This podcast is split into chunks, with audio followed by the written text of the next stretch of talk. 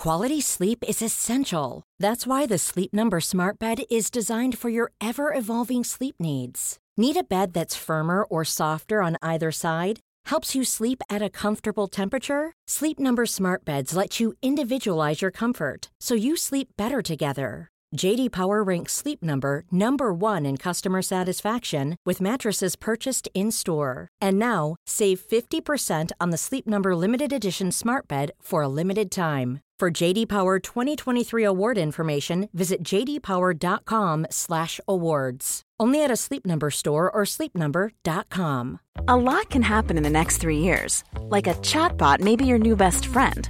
But what won't change? Needing health insurance. United Healthcare Tri Term Medical Plans are available for these changing times. Underwritten by Golden Rule Insurance Company, they offer budget friendly, flexible coverage for people who are in between jobs or missed open enrollment. The plans last nearly three years in some states, with access to a nationwide network of doctors and hospitals. So, for whatever tomorrow brings, United Healthcare Tri Term Medical Plans may be for you. Learn more at uh1.com. sekundene de går ganske fort, men det får vi håpe at du, Gjermund, gjør også. Og vi må ha klart for oss at fra det stedet vi først får øye på han, vil han bruke over to minutter inn. Dette tetter disse gamle Noes! Over to minutter, helt sikkert. Ja da! Dette blir revansje for Øystein Pettersen og Petter Northug! De er olympiske mestere i sprintstafett! Og da er vi på igjen, vi. Det er Skipodden, og episode seks har vi faktisk kommet til, Øystein. Ja, og da tenkte jeg sånn så Du høres trøtt ut. Syns du det? Ja, det syns jeg tenkte sånn Nei, nei, nei. Prøv en gang til. Kjør på. Ja. Nå får du Hjertelig velkommen skal dere være, energiske og våkne som vi alle er, til episode seks av Skipodden! det. Og det feires med en god kopp kaffe. Og bildet av deg, det ser jo ikke lytterne, da, men jeg ser jo deg, og det er trivelig. Ja. En våken type, det. Ja, det, ja absolutt. Du ser Du så så våken ut i forhold til stemmen. Det var det som Ja. jeg liksom reagerte på. Nei, men eh, takk. Det er viktig du sier ifra. Nei, vi, vi nyter jo eh, det, det brune gullet til eh, Bård og co. Jeg er jo nå på kopp Jeg tror jeg er på kopp fire i dag. Eller kanskje fem. Jeg er på kopp fire og en halv, jeg, for jeg kjørte en sånn dobbeltvariant. Jeg har sånn på maskinen jeg kan bare trykke, så kommer det to kopper igjen. Så dette skal bli en pod eh, har gjort til svidd av.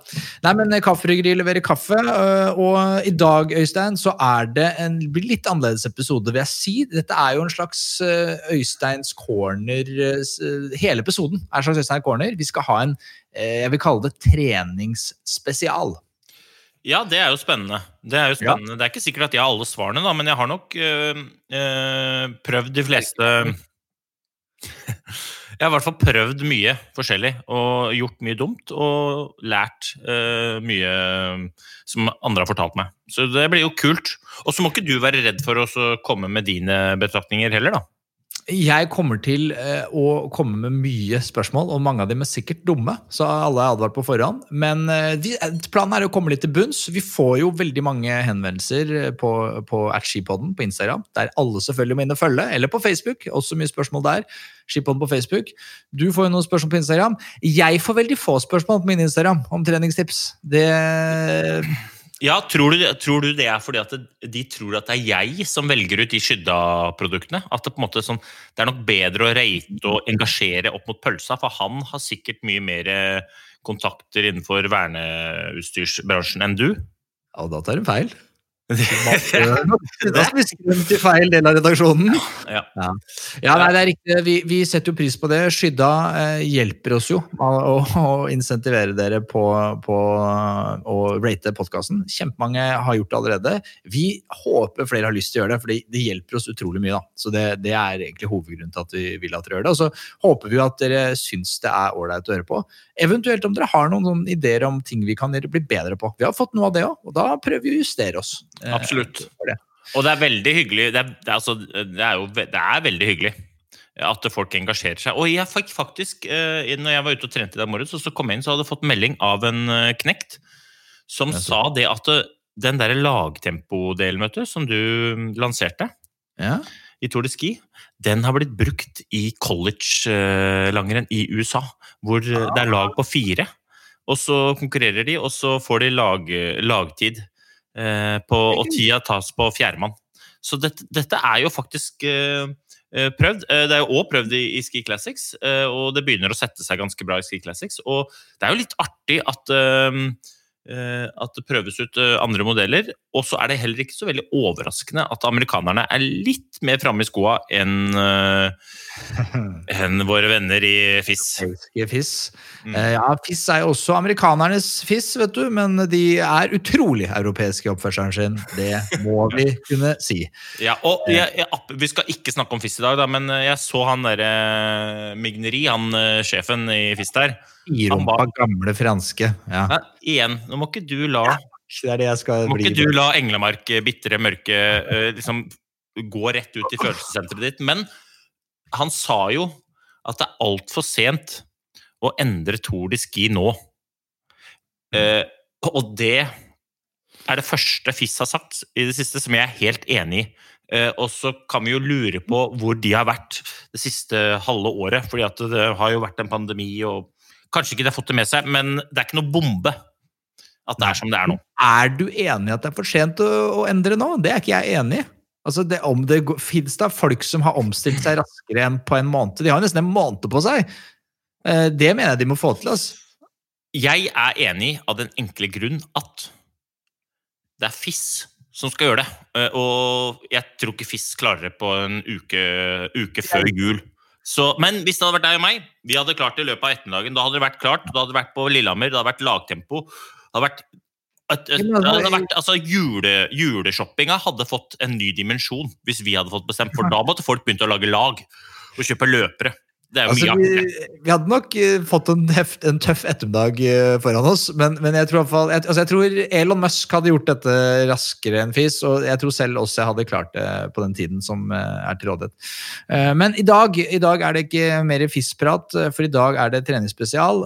Vi må bare få, også få nevne at det er, det er jo korona, så vi skal snakke litt om det også når det kommer til trening. Og det fins jo en 2020 har vært et annerledes år, eh, og spesielt da nå tenker jeg på Coop-dugnaden, er det jeg skal fram til her. Den må vi jo støtte, og vi må gi den litt eh, oppmerksomhet.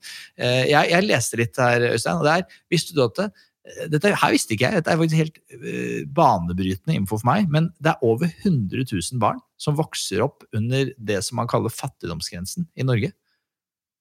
Visste du det? Nei, det visste jeg ikke, ass. Jeg ble ikke, er- noe, jeg ble ikke noe glad av å høre det. Det må være ærlig å si.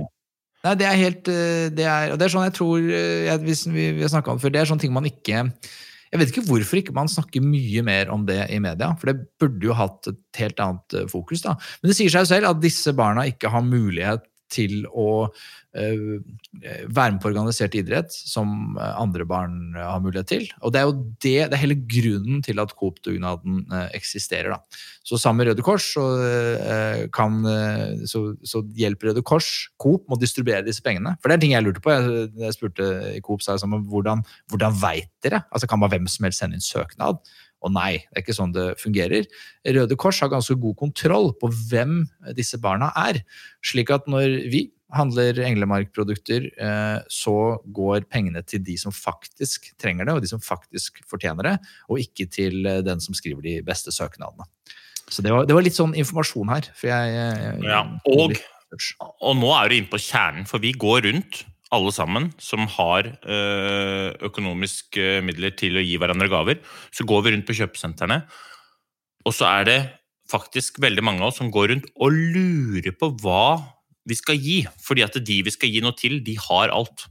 Mm. Her syns jeg vi kan være rausere og tenke kanskje vi skal gi litt til de som ikke har det de trenger, istedenfor at vi skal gi noe dritt til de som har altfor mye. Mm. Eh, jeg, eh, dette blir jo en digresjon, men jeg har da vært med Røde Kors til Somalia, blant annet. Jeg skal 19.12. delta på eh, senkvelds juledugnad. Altså det å gi til noen som ikke har noe, og det er så mange som ikke har noe, eller som ikke har det de trenger. Mm. Det, en ting er at det, det hjelper de som får det, men to, du føler deg bedre òg. Istedenfor at du rasker sammen noe ting til noen som har alt de trenger. Mm. Så det er, eh, det er dagens uh, tankekors. Så Vi kan begynne med å kjøpe Englemark-produkter, og så kan man tenke at uh, det er bedre å gi litt enn ikke noe. Jeg er enig. Enig. Det var, eh, det var i hvert fall eh, viktig å ha det nevnt. Men ok, i dag Øystein, så skal vi ha treningsspesial, og eh, jeg har masse spørsmål vi har fått som jeg har prøvd å, å kurere på best mulig måte her. Jeg, har, jeg hadde en telefon til min gode venn Simen Einebergholm. Han er altså en ganske ekstrem mosjonist og veldig opptatt av disse tingene, og han kom med mye gode innspill, så jeg skal prøve å flette inn litt derfra også. Og jeg tror bare det vil bli litt hulter i bulter, men vi bare setter i gang, og så fyrer stiller jeg spørsmål, og så må du svare så godt du klarer, da. Ja, det, eh, ja vi, skal vi bare sette konteksten først, eller? Det fordi, kan du gjøre. Ja, fordi at uh, Hvorfor er det litt ekstra spesielt, liksom den der treningsgreia akkurat nå? Og det er jo, i hvert fall sånn som jeg tenker, fordi at uh, veldig ofte så er det jo mange mosjonister har jo et mål. ikke sant? Enten så er det et uh, maraton, eller et halvmaraton, eller Birken, eller turen, eller et eller annet som de trener mot. Men akkurat i år, og dette gjelder ikke bare mosjonister, dette gjelder for blant annet alle juniorløperne i Norge. Altså Junior-Norgescupen er avlyst. Eh, Birken, eh, han godeste eh, Nakstad, han satt jo på Sporten i går og sa at han var veldig usikker på hvordan det kom til å bli med Birken i mars. Han hadde mer troa på sykkelbirken i august. Altså Det er jo mange arrangement som er borte. Og da er det liksom vanskeligere å se hvorfor skal jeg gidde å trene? Og det skjønner jeg, fordi at det å det å jobbe eller det å være opptatt med å være opptatt, eller å trene for å trene, det er ikke så gøy som å trene mot et mål. Så dette er jo vanskelig. Dette gjelder, dette gjelder meg, og det gjelder sikkert deg også. Og det gjelder både juniorer og mosjonister der ute. Så jeg vil jo, før liksom folk begynner å tenke på hva de skal trene, og hvordan de skal trene, så ville jeg satt meg et mål. Et mål som gjør at det er litt lettere å bryte ned det. Eh, hva man faktisk må gjøre for å komme dit, og hvorfor man skal gjøre det. Mm. Så jeg ville jo starte med dagens oppfordring nummer én er jo på en måte å finne seg et ordentlig mål. og Det kan være hva som helst, og det trenger ikke å være en konkurranse. Det kan være en utfordring, det kan være noe på utstyr, det kan være innenfor teknikk, det kan være innenfor styrke, det kan være et eller annet, men det er greit å ha noe som gjør at det er en grunn for at du stikker ut og gjør greia di, tenker jeg. Og, og, et eksempel på dette, for dette er, jeg kjenner meg igjen det selv. Hvorfor, altså, hva kan være et mål for meg? Jeg er en enkel gutt, bor midt i byen. Har lyst til å bli i bedre form. Jeg hadde tenkt at kanskje i år blir året hvor jeg har aldri gjort Birken før. Kanskje det var i år. Det går jo ikke. Um, hva, hva, kan være et, liksom, et, mål jeg kan ja, Det er vanskelig å samle så mange, ikke sant? Uh, hva kan være et mål? Nei, altså da må jeg, For jeg kan jo godt si til deg et mål, men jeg tror det er viktig at det er du som eier det. Mm. Så Det er ikke noe vits at jeg forteller deg hva jeg tenker at du bør ha som mål. Jeg må spørre deg hva er det du har lyst til. Hvilken utfordring er det du ser på som kunne vært litt sånn kult? Og da tenker jeg sånn Ok, eh, nå er det jo disse, disse rennene de er jo litt av, øh, det er jo avgjørelser, liksom, men kan vi finne en utfordring som du syns er litt kul? Eh, ta for eksempel er det, er det, en tur du har lyst til å gjennomføre? Er det noe du har lyst til å prøve? Liksom, ja, har du en utfordring, et, et, slags eventyr som du har lyst til å, å, å, være med på? Og hvis du kommer opp med et godt et nå, så skal jeg bli med på det. Ok, ja, ok, Her er et eksempel, og dette er, når du sier du skal bli med, så må jeg jo holdes til det. Men uh, det er eh, å finne en distanse som veldig mange har løpt, slik at jeg kan sette jeg, kan, jeg, er veldig konkurransemenneske, så jeg liker å finne ut hvor jeg står relativt til X, Y eller Z. 3000 meter er jo en, en sånn veldig typisk løpedistanse som jeg ikke har løpt siden jeg gikk på, på Skedsmo videregående skole. Eh, da løp jeg husker nesten ikke men jeg løp, det, jeg løp det sakte. Altså jeg løp sånn 14-15 minutter. Altså jeg var en lang eh, og utrent eh, fyr på den tiden. Ikke helt ulikt uh, som jeg er i dag. Uh, så det å, og, og, baner med 3000 meter det det jo mange steder. ikke sant? Eller det å måle opp 3000 meter som distanse, det tror jeg alle kan finne et eller annet sted. en eller annen, um, ja, Som, de kan, uh, som i hvert fall er tilnærmet 3000 meter. Og det å bare ta den stoppeklokka, ta tida på det. og Da kan jeg jo teorien løpe 3000 meter i morgen. Finne ut hvor er, hvor er status. Og så kan jeg tenke at sette en eller annen dato. da, Hvor, hvor langt fram i tid hva trenger man for å liksom Hva vil du si? Ja, altså øh, Jeg tenker jo ok, greit. Jeg hadde jo håpa du valgte ski. Hvis du hadde spurt meg i stad, jeg hadde sagt det, da hadde jeg funnet et ski, skimål. Men nå, ikke sant? nå eier du målet, og det er bra. Da mm. sier vi 3000 meter. Og jeg skal òg løpe 3000 meter. Og det her blir ikke bare ditt mål og mitt mål, det her blir jo alle lytternes mål, hvis de har lyst til å være med. For vi skal mm. ha Skipoddens 3000 meter Og det blir hvilken dato? Nå kan du skyte en dato fra hofta. Det er faktisk en uke, så du kan løpe den 3000-meteren innenfor den uka. Og så logger vi tid, øh, og så tar vi et bilde, og så hashtag øh, 3000 meter skipodden smilepuls, og så er vi i gang. Når skal vi løpe? Jeg tenker jo, Vi har jo tenkt at vi skal ha en slags sesongplan på dette som slutter, siste, altså slutter i april. da. Så vi burde jo være på slutten i slutten av april, kanskje, hvis man skal øh, øh, og, og grunnen til jeg valgte løping, er jo at her i Oslo så er det jo dessverre blitt sånn at det er lite snø, da. Um, så løping er noe alle kan være med på. Ja, det er jeg enig. i. men, men skal vi si siste uka i april? Da sier vi første siste uka i april. Nei, siste uka i april. Det er fint, det. Det er. Da er det 3000 meter. Og da, da er det så innmari mye lettere. Ok, greit, da har vi det målet. Og da er det så innmari mye lettere å gå inn og så finne hva som skal til for å løpe på det som du har lyst til å løpe på.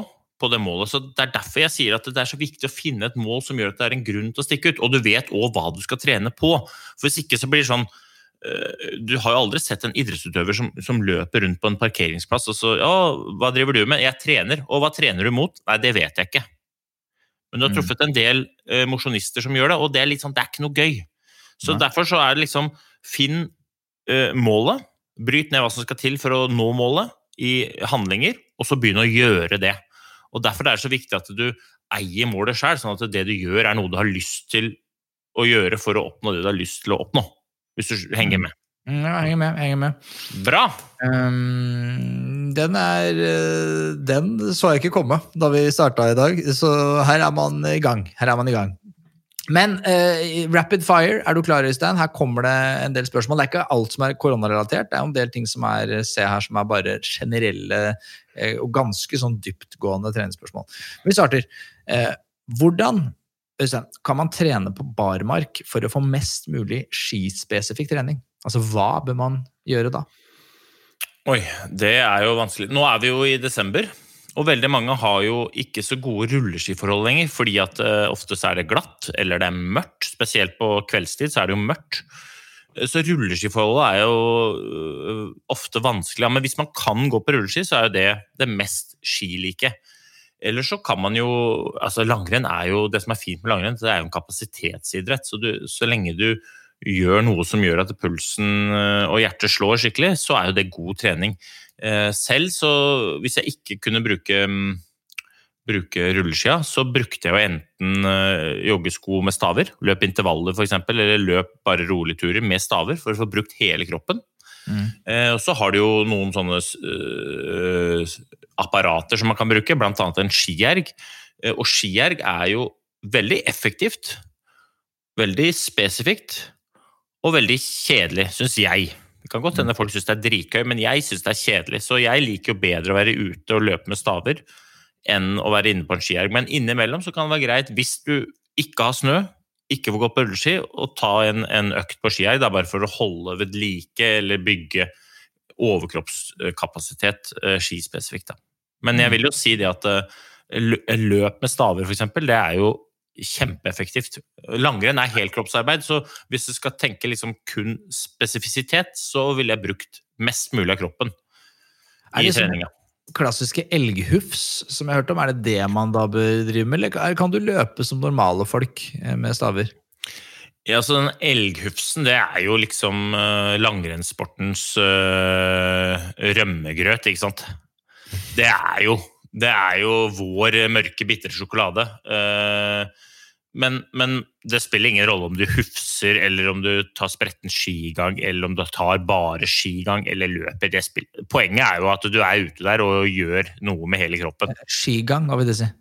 Nei, Det vil jo si at du liksom du later som du går på ski, men du har joggesko. Så da går Ja. du liksom Da går du på ski, da. Bokstavelig talt. liksom- ja, motbakke. Jeg har sett veldig få folk her nede på Grønlandshøyen som løper med staver. Eh, Er det, altså, er det, er det noe man bør gjøre i skogen, eller kan man Nei, altså man kan gjøre det eh, på Grønland også, Eh, men eh, det er jo eh, generelt flere skiløpere i skogen enn på Grønland, tenker jeg. Ja. Men, men det er like god trening å gjøre. Du kan gjøre det på, du kan gjøre det på operataket, eh, bare du har myke sånne spisser, så ikke du ødelegger Ja, det er dårlig stemning. Ja. Se på meg marmoren der og liksom og pigger og ja. Men, men det er bra, veldig bra trening, så da vil jeg jo si, si uh, ski, skigang eller løp med staver, elgufs. Kall det hva du vil. Bare du er ute og gønner. Den er mottatt. Hvordan bør man trene i desember for å komme i toppform til en eventuell Birken slash Vasa? Ehm, ja, altså, det er jo lenge til Vasaen. Det er innmari lenge til Vasa nå. Si at vi nå. Det er jo et håpløst spørsmål, fordi at spør du Tor Dasle Gjerdalen og Andreas Nygaard, eller spør du Hanso, eller spør du en juniorløper? Men hvis du skal si liksom ting som kan være fornuftig for Hvis du sier en mosjonist, da, vanlig jobb Nå er det jo mørkt ute. Det er jul, og det er ofte litt sånn styr på jobben. Man skal få til veldig mye. Så i desember så ville jeg tenkt at det, det er bedre å kjøre litt kortere og litt mer effektive økter. Mm. Enn å liksom skulle holde på så innmari lenge nå. For det første så er det kjipt føre. For det andre er det mørkt, og det er mye å gjøre. Så da ville jeg heller søkt inn eh, på en tredemølle, søkt inn på en skierg eller søkt til en, en motbakke, og så løpt litt intervaller.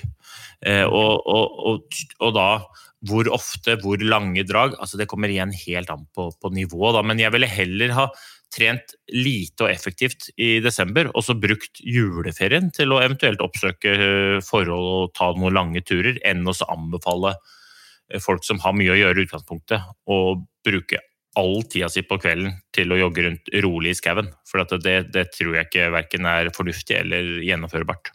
Mm. Ja. Og så kan du, Jo nærmere du kommer Vasan, desto mer spesifikk må du være på det du skal gjøre. Og Vasan er jo faktisk bekrefta at det blir. Og så får det være opp til hver enkelt om, øh, om man én tør å reise, to prioriterer å reise. Og vi vet jo ikke heller hvordan det blir med karantene og sånn når du kommer tilbake igjen. Eh, Men det er i hvert fall bekreftet at det blir. Mm. Ehm, her er det jo et spørsmål som er godt, som også er ganske sånn spesifikt på Gitt at det var Birken, da, og det er som følger. Jeg er i ok form. Bør jeg satse på å stake Birken? Altså, hvor rask må man være for at det skal være verdt å, å prøve på det? Ja, dette er et spørsmål som er bra, da, for at det er mange der ute som har fått med seg at mange staker. Og mange staker fort. Mm. Eh, og så, hvor går den grensa? Eh, det er ikke noe problem for alle som har trent litt på det, å stake Birken. Og så, så, så hvis spørsmålet er bør jeg stake Birken bare for å gjøre det, så kan du gjøre den uansett. Altså, Men hvis målet ditt er å gå fortest mulig, Det antar jeg her. så ville jeg vært skeptisk. Det Er klart, eh, er det kjempevanskelig smøreforhold, så vil det lønne seg å stake nesten alltid, uansett. Men, men, men si at det er helt vanlig vinterføre, så skal du være ganske god før du tjener på å stake. Eh, Det er ikke mange år siden det var helt eh, idiotisk å stake. Eh, Folk begynte egentlig ikke å stake før i 2015. Mm. Var det, jeg er, ganske, det er jo eh, ganske bratt i starten der. Og det at det var såpass mye Du tapte så mye i starten på å ikke ha feste at du klarte ikke å hente igjen det igjen. Er det det som var mm, Ja, Det var jo det var tanken i starten, men det var, dette her handler jo om at det var ingen som hadde gjort det skikkelig før. Det var ingen som hadde trent på det, og, og, og sto på start med blanke ski og gønna av gårde. Så det var det som skjedde når vi bestemte oss for å stake. Jeg vant et, eh, et skirenn i, i Oslomarka i februar, Ja, og så etter det så begynte folk for alvor å stake. Og det, var, det rennet var jo et skirenn som eh, Det er Holmenkollmarsjen. Eh, Da starta vi inne i Sørkedalen, gikk opp til noe som heter Heglevann, og så ei god runde rundt Kikkut, og så tilbake igjen over Tryvann og i mål i Holmkollen. Det var ingen som hadde staka før, og ingen hadde spesielt trua på at det kom til å gå veldig bra. Og det var innmari mange skiløpere som på papiret og på resultatlistene, hvis man ser eh, karrierene under ett, var veldig mye bedre enn meg. Men det rennet vant jeg fordi jeg sto der på blanke ski. Og etter det så begynte mange å stake bl.a. Birken. Jeg sier ikke at jeg var den som, eh, som eh, innførte staking, men jeg er ganske sikker på at det, det rennet gjorde at veldig mange valgte staking i Birken. Men tilbake til spørsmålet ditt, da. Eh, I 2018 så hadde jeg selv tenkt til å gå med feste, fordi at det var ganske trått føre. Nilsi er en god skiløper. Han Mm. staker ikke Birken. Nei. Han staker ikke Birken. Eh, Så du skal være ganske god for å stake Birken fortere enn du går den med feste. Okay. Men du trenger ikke å være så god for å klare det.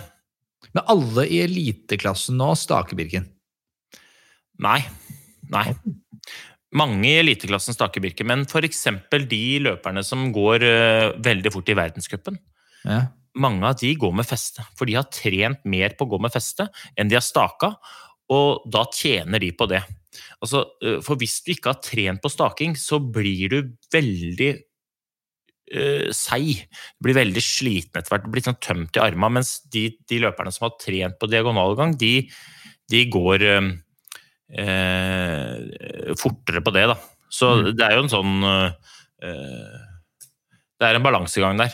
Men, men og, og det her gjelder alle renn. Det gjelder Vasaloppet også. Folk sier liksom jeg må stake Vasan og må stake Vasan. Og de, de som staker Vasan, de, de opplever at det er ganske tungt. Det er, det, er, det, er, det er langt å stake Vasan, selv om man sier at det er flatt. Det er vel tungt uansett, men jeg, jeg skjønner at Men det er klart, ikke sant? en ting som man slipper når man staker, er jo problematikken med at føret forandrer seg i forhold til feste. Mhm. Så du, du, øh, Hvis du smører på arena, så kan det være et helt annet føre oppe på fjellet. og Hvis du da har klister på arena, så vil det stoppe på fjellet. Det slipper du når du staker. Men føret vil fortsatt forandre seg når du staker, men da er det en annen type egenskap på skia som på en måte ligger til grunn. Da. Så jeg vil jo si at du skal være ganske god før du steller deg på start med blanke ski, hvis du skal tjene på det. Men som en utfordring, så, som en mestringsfølelse, og som en sånn ja, men jeg klarer å stake Birken, så syns jeg at mange kan tørre å prøve, men da må de tørre òg å si at det, det er ikke sikkert at det hadde, er det raskeste, men det kan godt hende at det føles artigst. Ja. ja. Nei, men det er bra. Vi gir videre her. Eh, Og her er vi tilbake. Du nevnte jo litt det her i stad, Øystein, men hvordan motiverer man seg for en sesong som dette? Altså, og, og her har du snakka om det som mosjonist, så var det på en måte man må finne seg, man må uansett prøve, prøve å finne seg et mål. Det kan f.eks. være å løpe 3000 meter så raskt man klarer, for det kan man da sammenligne seg litt mot eh, resten av verden. Det er en distanse mange har gjort. Eller det kan være noe helt annet, som du sa. Det kan være en fjelltur du har lyst til å gå, et eller annet. Men når du er utøver på nivå under verdenscup, altså du er junior eller du er em, eller du er sånn som veldig mange i Norge er, da. Eh, Du er drita god, og du går vanligvis renn, og mange av de, og nå så blir det kanskje ingen renn i år. Hvorfor skal man gidde å holde på? Se for deg hvis jeg, jeg var 26 år, og jeg, jeg tror fortsatt Jeg er så nært å kunne få gå verdenscup, så jeg har, jeg lyst til å gi meg, men, men nå sitter jeg her, liksom. Hva gjør man da? Det er et godt spørsmål. Det er et godt spørsmål. En ting er jo de som er rett under, en annen ting er altså det, det her gjelder jo nesten alle. Eh, Men jeg tror jo at de som kommer best ut av denne perioden her, de som kommer mest styrka ut av denne perioden her, de tør jo se på det her som en mulighet til å ta tak i områder de ikke har tid til til vanlig. Altså de som klarer å finne en slags nerve, de som klarer å finne et område hvor de virkelig skal utvikle seg på. Om det, kan være, det kan være utstyr, det kan være teknikk, det kan være styrke, hurtighet, kapasitet, det kan være hva som helst. Men de som klarer å vri fokuset fra at dette er dritt, til nå har jeg mulighet til å ta tak i de tingene som jeg burde ha tatt tak i hele tiden, men som jeg ikke har i, i hverdagens kjas og mas. For at nå, er, nå er det ikke så farlig, og man er litt nedtrent gjennom øh, vinteren f.eks. For, eksempel, for det er ikke noe renn. Juniorene skal ikke gå renn før i, i mars, uh, i, i junior-NM. Så, så jeg ville jo eller jeg oppfordrer alle til å finne seg et eller annet sånt utviklingsområde. Finn et eller annet som gjør at dette her skal jeg dykke ned i. Dette her skal jeg bruke den vinteren jeg har fått nå, på å bli bedre på. Og så neste år så kommer det å vise greia di. Men det tror jeg er viktig da, for at du skal gidde å komme i gang. Eh, Min, min opplevelse av motivasjon er jo at eh, den må du skape sjøl. Og motivasjon skapes gjennom å gjøre det man har bestemt seg for å gjøre, for å nå de målene man har bestemt seg for å nå. Eh, Så hver gang du stikker ut og trener basert på noe som du vet skal til for å nå de målene du har, så skaper, i hvert fall min erfaring er at da skaper jeg eh, motivasjon, eller jeg, sier at det skaper moment, og det momentet det heller liksom bensin ned i motivasjonsbålet mitt. Da. Så motivasjon må du skape selv gjennom å gjøre det du har bestemt deg for skal til for å komme dit hvor du har lyst til å komme. Det er en selvforsterkende effekt her. at eh, Det faktum at man er ute og løper i trappeintervallene for å bli bedre på 30 meter, gjør at du blir mer motivert til neste økt. Fordi du vet Ja. at du er på hugget. Ja, og, og fordi at du har bestemt deg for at den trappeøkta den må jeg gjennomføre for å klare målet. Men hvis du ikke hadde hatt målet, så hadde du spurt deg selv hvorfor i alle verdens land og rike bruker jeg masse energi på å løpe oppover disse trappene. Det er jo helt tullete. Eller kanskje jeg burde gjort noe annet, men det er det som er greia med målet. Altså, hvis jeg skal si noe, Jeg har aldri vært verdens beste skiløper, men jeg har vært heldig. For jeg har vært, vært sammen med mange av verdens beste. Både skiløpere, men også andre utøvere. Vært sammen med lag eh, og vært i og rundt kulturer hvor folk har vært innmari gode, og de, er de aller beste er best til. Mm. Det er jo å koke ned hva er det som skal til for å lykkes. Og så bryter de det ned i helt konkrete handlinger som gjør hver eneste dag, og så gjør de det. Eh, Og, det gjelder jo ikke bare i toppidretten, det gjelder jo i hverdagens kjas og mas. eh, Eller det gjelder jo om det er på hjemmekontor, eller om det er det ene eller andre. Altså, finn ut hva du vil, og finn ut hva som skal til for å få det sånn som du vil, Mm. og så gjør det. Og så vil du oppleve at jo oftere du klarer å gjøre det du har bestemt deg for å gjøre, så vil du føle at du lykkes, du føler at du mestrer, du føler at du er på vei noe sted. Og det i mitt hode skaper moment som igjen fyrer motivasjonen min. Så motivasjon må du skape. Og så håper jeg jo at eh, folk får inspirasjon til å starte på den reisa selv. Men liksom den der motivasjonen, den der hverdagsgløden, den derre 'her er jeg', jeg heter Hanso, er seksuelt aktiv og liker mørk sjokolade som er bitter som bare det, den må du skape sjøl. Ja, nei, men det er, eh, det er bra. Eh, Vi tar, vi tar et videre her. Jo, det er også litt sånn um, Jeg har spørsmål på Det finnes jo mange former for trening. Eh, Og hvordan ser du at forholdet skal være mellom intervalltrening, styrketrening og langkjøring? Hvis man nå tenker litt skispesifikt, da, ikke sant? for å bli god i Birken f.eks. Jeg tror det er, det er sånn typisk distanse og uh, trend mange her av lytterne er interessert i. Hvor mange prosent? Jeg skjønner at det vil, måte, Hvis du er toppidrettsutøver, så er jo, er jo antall timer og så videre høyere, men jeg antar kanskje forholdet er eh, noe det samme? Jeg liker spørsmålet, og du er, du er jo inne på essensen. Ikke? Dette her er vanskelig å svare på, fordi at det, eh, det er så ulikt både hva slags eh, utgangspunkt folk har, og hva slags eh, volum folk har, og hva slags mål. Men det er ikke noe tvil om at sånn, hvis man tenker helt grovt på det, så jo mindre man trener, desto høyere prosentvis andel hardt kan man ha. Mm. Eh, en Krüger har veldig lite prosentvis eh, andel hardt, fordi han trener veldig mye. Mens eh, min mor hun burde ha 100% hard trening, fordi at hun trener veldig lite. Mm. Men jeg vil jo at det viktigere enn den prosenten er at de som trener, klarer å kjenne sin egen kropp. Så jeg vil nå innføre et begrep som eh, det sikkert er noen som har funnet på før meg, men som jeg begynte å bruke når jeg ga opp skigåinga mi sjøl og begynte å trene, og det heter smilepuls. Ok. Og smilepuls, det er altså at eh, all trening du gjennomfører, enten det er det ene eller det andre, det skal være med et smil om munnen. Det skal være sånn at du kjenner at ja, men dette er gøy. Og noen ganger så kommer du hjem fra jobb, eller du, det er mye styr, og så er du sliten. Og da er det veldig lite gunstig å stikke ut og trene veldig hardt, bare fordi at det står på programmet. Så da vil jeg si at du skal lytte til kroppen, kjenn hva den sier, og så skal du trene sånn at du smiler. Og det kan noen ganger bare være å gå. Mens andre dager så kommer du hjem og så har du overskudd. Og da vil jeg at du skal trykke på tuben, da vil jeg at du skal klemme til litt. For da er kroppen med på det, og så kjenner du at du smiler selv om du løper fort. Så på en måte ta, lytt til kroppens signaler, og bruk liksom uh, smilepulsbegrepet da, som et sånt styringsverktøy på hvor mye hardt, hvor mye rolig. For jeg kan godt si at ja, du må trene fire ganger hardt i uka hvis du bare trener fire ganger. Men hvis du er skikkelig sliten, så vil du bare bli dårligere av det. Og det, det er jo som han eh, sier jo, han eh, treneren til Varum, at det, det handler jo ikke om å løpe hardt, det handler om å løpe fort. Så Mm. du må spille på lag med kroppen, altså ikke du blir bare mer sliten.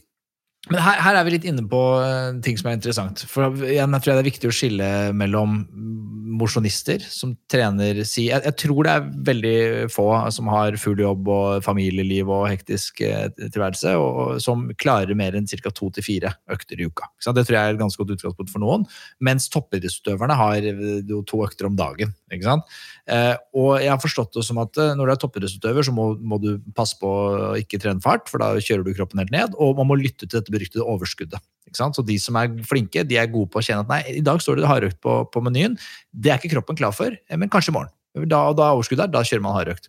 Og, og det tror jeg, Nå har vi liksom min mine hypoteser, men det er kanskje noen grunn til at folk som Emil Iversen, Klæbo, eh, Northug er så gode, er at de slår meg som typer som i større grad er egenrådige og sier nei, kroppen min orker ikke å være med på dette kjøret. Mens kanskje andre på landslaget og andre toppidrettsutøvere de er mer flinke gutter eh, og følger bare planen slavisk. Eh, Og iblant, dette er spørsmålet egentlig, er det, kan det straffe seg å være flink gutt? Når du er på det nivået?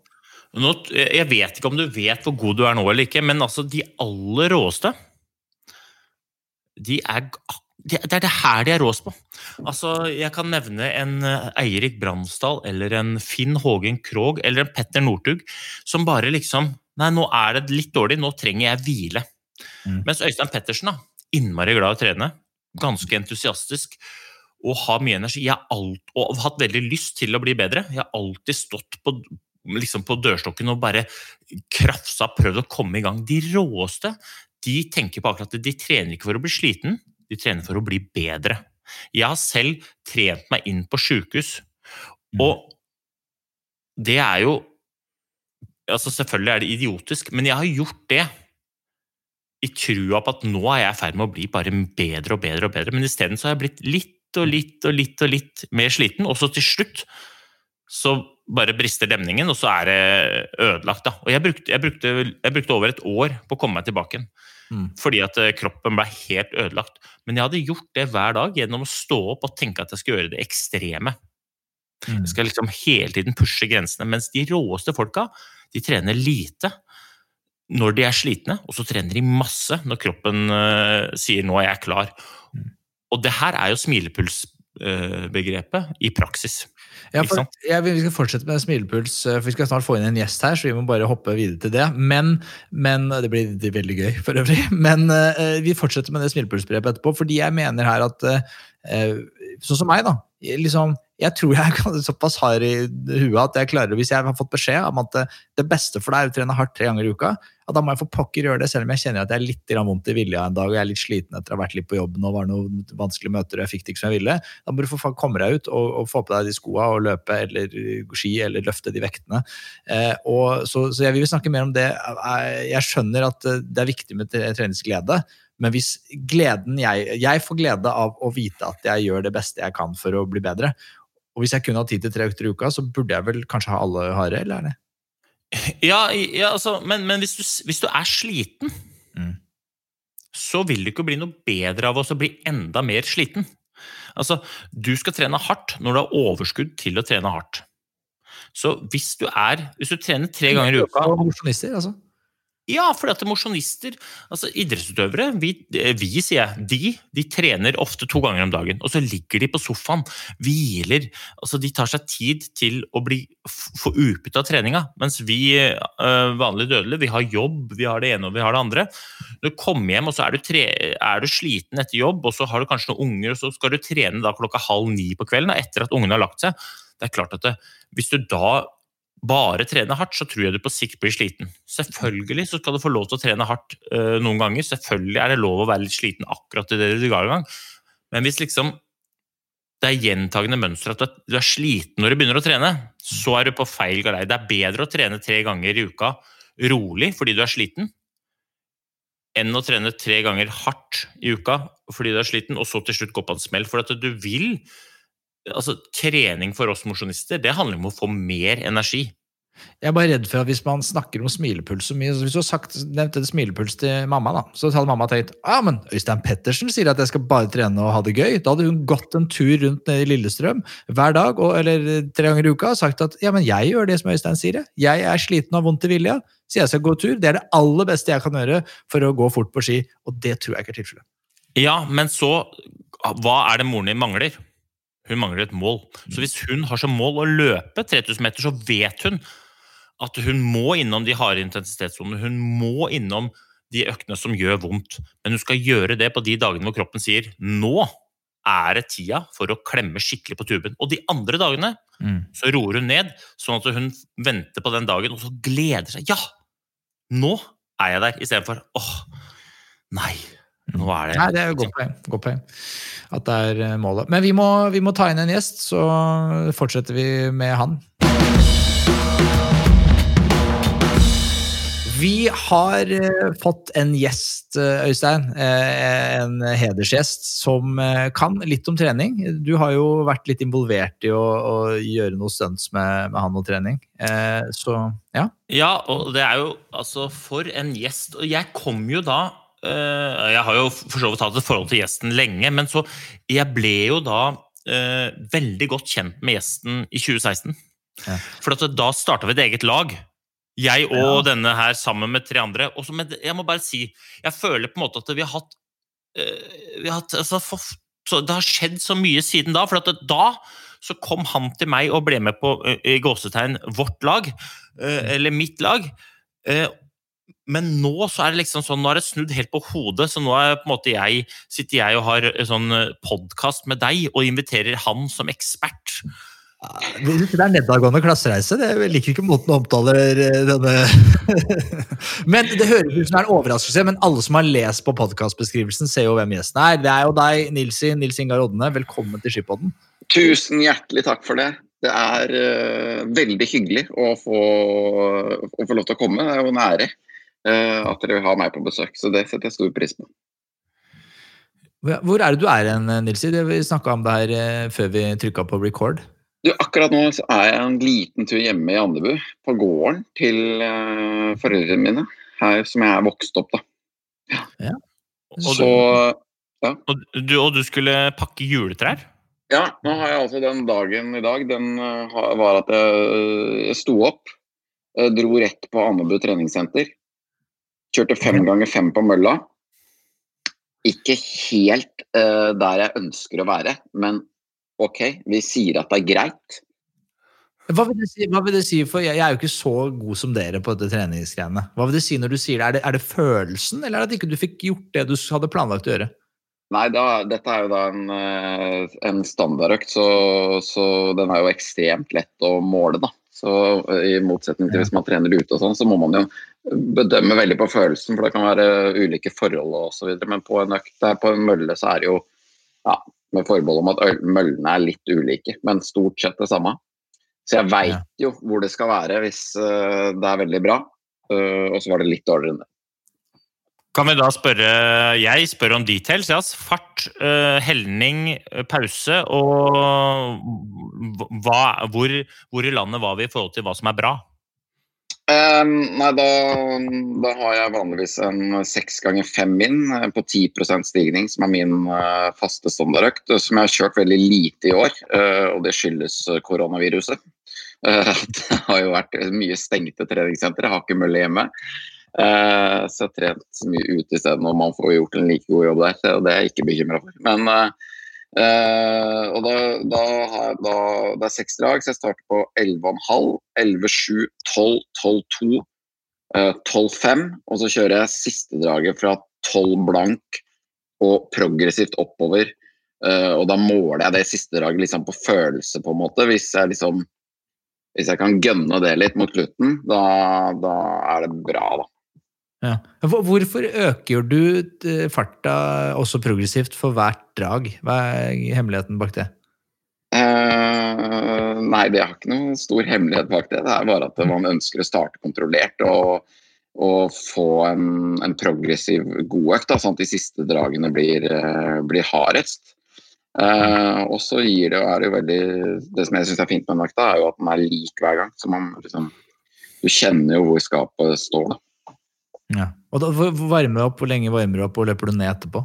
Jeg varmer opp 20 minutter, og så løper jeg ned uh, 20 kvarter, minutter oppvarming? Jøss, det er jo nesten like lenge som jeg, jogger.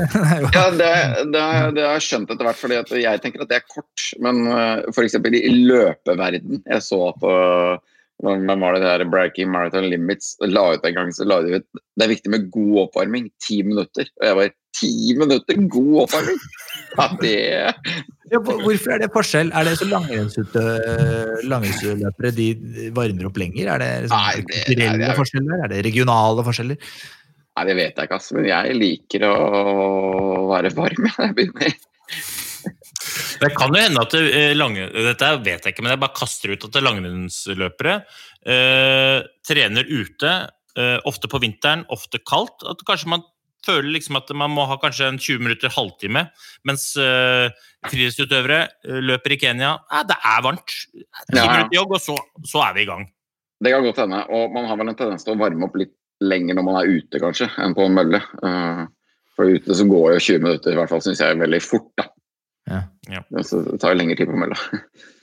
Men, men Ilse, det, er, det er veldig kult å ha deg med, og, og grunnen til at uh, du er høyaktuell når vi har liksom en treningsspesial, er at du tok jo Du har, du har sikkert snakka om det mange ganger før, da, men jeg, jeg, ikke, jeg vil gjerne høre det igjen. Du tok jo liksom en beslutning for noen år Mm. tilbake om at uh, nå så er det liksom om du vil teste å leve som en toppidrettsutøver. og Utgangspunktet var vel ett år, og så er mitt inntrykk at det her kom fullstendig ut av kontroll på et eller annet eh, tidspunkt. Og så nå Ja. driver du fortsatt med å leve som toppidrettsutøver. Ja, det er ganske godt oppsummert, det. altså. Det begynte jo med at jeg hadde, hadde lyst til å sette dette prosjektet ut i, ut i livet. Jeg hadde lyst til å teste å være toppidrettsutøver på heltid. Uh, og gjorde en del sånne undersøkelser om hvordan jeg kunne gjøre dette. her, Om jeg kunne gjøre noe TV-program eller, um, eller ting rundt dette. her da. Uh, og så plutselig så dukka han uh, andre fyren her opp, som heter Øystein. da, og så eh, skulle han plutselig starte et langrennslag. Jeg lurer på om jeg ville være med. og Da tenkte jeg at det er jo helt kanon. Det passer perfekt til mitt prosjekt. Uh, og det viste seg å skulle bli en match made in heaven, vil jeg si faktisk. Ikke bare med han, men også da disse to andre knektene. Morten Eide Pedersen og Simen Østensen. Uh, og så fikk jeg jo virkelig realisert det prosjektet gjennom det året på Team B-bank. da. Eh, og var med der på, på heltid. og hadde et fantastisk år som jeg har skrevet bok fra og laget foredrag fra. Og lærte masse. Og så eh, trodde jo i hvert fall alle rundt meg at jeg skulle slutte etter det året. Ja. Det viste seg at det var, det var bare begynnelsen. Ja, for hvor, hvorfor det? Var det fordi det ga, ga så mersmak, eller var det det at du altså, Hva var Ja, jeg elska det livet, ass. Uh, virkelig. Uh, det, det er jo viktig å si det at når jeg var ung, så gikk jeg på idrettslinja og skulle bli god til å løpe. Så jeg har det jo litt sånn latent i meg, og antageligvis så var det en sånn Var det meg, da, innerst inne, den personen jeg er, som er han som ønsker å liksom sette seg høye mål og prøve å, prøve å nå det. Eh, så kom man inn i et veldig flott, fint miljø da, eh, i skimiljøet som, eh, som jeg trives i. Og så, ja, da, jeg syntes det var så gøy, så jeg tenkte det det er helt uaktuelt å gi seg nå. Og så har på en måte veien blitt litt til mens jeg har gått videre. da. Eh, og nå er jeg da i sesong nummer fem. Men det er også, og nå har jeg gjentatt det så mange ganger til så mange, det er også den siste på det ja, det er den siste på det nivået jeg holder på nå. Det det. Jeg kommer til å gå skirenn i mange år. Eh, Jeg kommer til å trene masse, eh, for jeg elsker å være ute. Jeg elsker å løpe og gå på ski og alt mulig. Men den derre, kall det gjerne satsinga, hvis man skal kalle en spade for en spade som det er nå, den, den er over til våren. Men hva innebærer det å være toppidrettsutøver? Altså, sånn som, hva måtte du ofre? Liksom, hvor mange økter er det i uka? Altså, hvis man går litt i detaljer her. Nei, det er jo det er jo trening eh, hver dag og mer til. Eh, to økter i uka og, og, masse, og masse timer. Eh, og så har Det jo, det er også noe av grunnen til at jeg har, har fortsatt, er jo at det, det har jo blitt gøyere og gøyere. fordi dette første året på BM-bank så trente jeg i rett over 700 timer. Eh, og i hvert fall i ettertid, ikke så litt mens det pågikk òg, men ettertid så skjønner jeg at det var på en måte Da hang jeg litt i stroppen. Dette vet du Øystein vel om, for å få til de 700 timene, liksom. Du følte at det liksom alltid var litt på etterskudd. Du lå, du lå på limit hele tiden. da.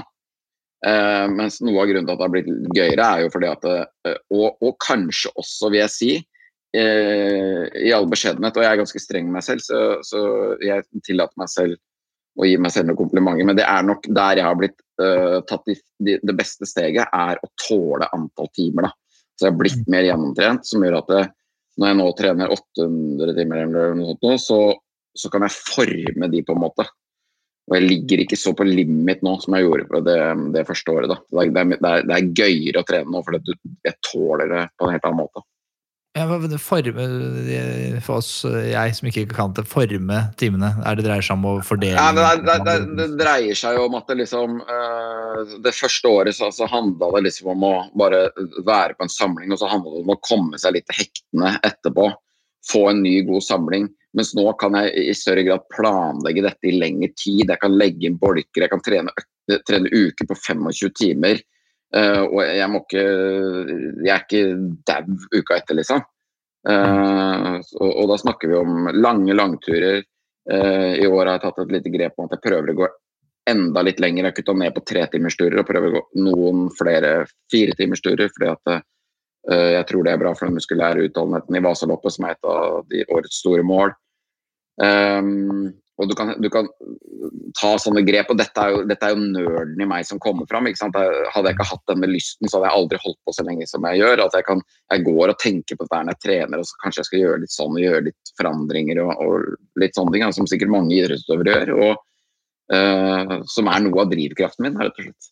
Men det, min, min, oppfatning, og det kan jo godt hende at det er feil, men det jeg observerer, er jo at uh, første året så sladda du liksom litt igjennom, og da gjorde du det som Eh, ble anbefalt, uavhengig av hvordan kroppen din følte liksom, Som vi snakka om i stad, han som med, med smilepuls.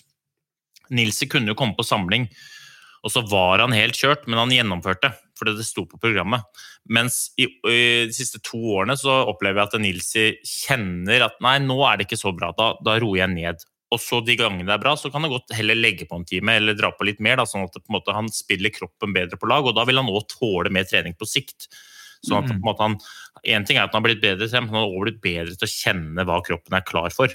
Eh, og dette er ikke noe som Eh, han har lært av oss, for at han har vært på lag med i hvert fall to stykker som er ganske løse kanoner på akkurat dette greiene her. Jeg selv jeg kaster bomber i glasshus. Nils, jeg har noen historier på meg hvor jeg burde ha dratt hjem for lengst. Eh, men samtidig jeg, jeg, dette, dette, her handler om å lære, da. For det er veldig lett å liksom tenke jeg skal trene mye, jeg skal gjøre litt, og da handler alt om å gjøre alt hardt. Men mm. igjen, det handler ikke om å bli sliten, det handler om å bli bedre. Mm. Ja, men, og, ja, fortsett. Der har, jeg faktisk, der har jeg faktisk lyst til å legge til noe som jeg syns er ganske viktig med det norske skimiljøet, og som er min, det er min påstand, men som jeg tror er en av grunnene til at Norge er så gode på ski som vi er. Fordi når jeg går inn på, på Team Bøyenbank, så, så spurte folk som ikke har noe greie på dette her, utenfra, at du fikk sikkert et nøye treningsprogram som var sånn og sånn.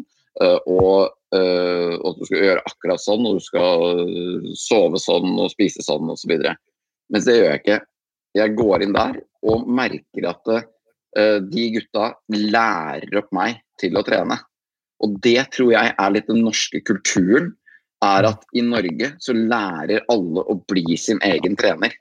Um, og dette kan du mer om meg, Øystein, men jeg har inntrykk av at i en del andre land så er det jo hardere Eh, ovenfra og ned eh, fra trenerne, liksom. At uh, trenerne setter et program, og, og, det er det som skal gjøres. og uh, Det er jo en sånn uh, saying at når treneren ikke dukker opp i en annen nasjon, så blir det ikke gjort noen ting. Mens hvis, ikke, hvis treneren ikke dukker opp i Norge, så blir det gjort altfor mye. Og det tror jeg er fordi at man, man helt fra, fra, man er liksom ganske ung, læres opp til å kunne trene seg selv. da Uh, og jeg måtte jo lære det etter jeg var 30, for det var da jeg begynte. Ja, det er helt riktig. Og det er jo faktisk sånn at uh, spesielt i hvert fall østover, da, så, så, er det en helt annen type uh, forhold til trener og trening enn det er i mm. Norge. Her, så, som Nils sier, så er folk sin egen trener, og så har de en sparringspartner, sånn at treneren ofte er. da, Som du sparer sparrer ideer og, og, på en måte kan gjøre litt tilpasninger og kanskje komme utenfra og se at nei, nå gjør det for mye eller nå gjør det for lite, eller dette er ikke det vi ble enige om eller noe. Mens uh, i andre land så er det sånn at hvis det står på treningsprogrammet at du skal gå ut uh, og stikke tunga di bort på gjerdet når det er minus fem grader og litt fuktig, så gjør folk det. De er litt usikre på hvorfor, men de gjør det. Ja. Ja, det, det, er interessant. Det er absolutt. Men eh, det, Vi snakka om det i stad også, i sted, men eh, Nils, dette er jo en spesiell sesong. Du sier det er din siste. Men ikke det, blir ikke det dumt nå som det er Ja, det blir jo forferdelig dumt, da. Det blir forferdelig dumt, men, eh, men Men jeg skal på en ganske omfattende norgesturné til neste år. Så, så det, den, har jeg, den eh, har jeg, også lyst til å gjøre det veldig bra på. Men jeg blir ikke veldig overraska hvis den norgesturneen eh, legges opp slik at det finnes stier mellom A og B, rulleskøyter mellom C og D. og så Nei da. altså For Nilsi er jo Han, jo, øh, han er jo komiker på si, øh, men han er jo idrettsgutt. Det er jo det han er. ikke sant? Folk sier til meg ja, Nilsi er faen meg god til å være mosjonist. Så sier jeg nei, nei, nei. Nils er ganske morsom til å være toppidrettsutøver, men han har litt å gå på i løypa. Ja. ja, det er nok riktig. Og det blir mye Jeg elsker jo å løpe når jeg er rundt på turné. Da får man jo virkelig sett stedet. Det er masse fine løperunder. Så det, det blir det mye av. Altså. Men det er noen uh, dårlige òg. Det er noen Ja, det er, det er noen dårlige òg. Det hender man bommer. Hender man bommer. Hva er den fineste byen å løpe i? Oh, ja, det er mange, men eh, det er klart det å komme til Lofoten er jo alltid helt fantastisk. Um, eh, der var jeg for, i fjor høst og, og dro ut og visste ikke hvor, og løp altså en tretimerstur som var bare helt magisk ass, på en, en topp som var, var i Svolvær. Eh, ja, helt, helt rått. Men, øh, men nå som du snakker om de flotte tingene, da øhm, Ja. øh, Husker du ditt første skirenn i Ski Classic selv? Ja, ja, ja. Jeg husker det. Jeg husker det, ganske, det kommer jeg aldri til å glemme. Nei, fortell, fortell, gjerne. Nei, dette, det var jo da ehm, eh, For å ta hele historien, så gikk jeg jo på en, eh, en liten treningssmell eh, etter et høydeopphold i Val Senales, hvor jeg syntes det var dritgøy å være med landslaget og de store gutta på trening. Og gønna på var i ganske god form, så ble det litt for hardt. Og så måtte jeg jobbe meg litt tilbake igjen, som gjorde at jeg ikke fikk gått skirenn før jul. Etter jul så var jeg back on track. Uh, kroppen fungerte og dro ned til Seefeld. Skulle gå Kaiser Maximilian og var skikkelig altså Jeg gleda meg skikkelig, liksom. Jeg har beskrevet i boka og husker at eh, jeg uh, krasja med Lucas Bauer inn i startfeltet. Uh, og, det, det, og tenkte jeg liksom Nå! Nå starter dette året, liksom. Jeg har trent så mye, og nå starter det. Så hadde jo dagen før eh, Nei, ikke dagen før, men det, snødde jo eh, på morgenen, og det snødde og det snødde og det snødde. Og det ble altså et skirenn eh, som er Det er jo det verste skirennet jeg har gått. Det var jo da Etter hvert, etter å ha gått kanskje skal vi si to-tre mil, så det var ikke spor. Man gikk på det var som å gå bare ut på et jorde, og bare gå på det jordet. Eh, og jeg gikk jo næringstom mot slutten, selvfølgelig.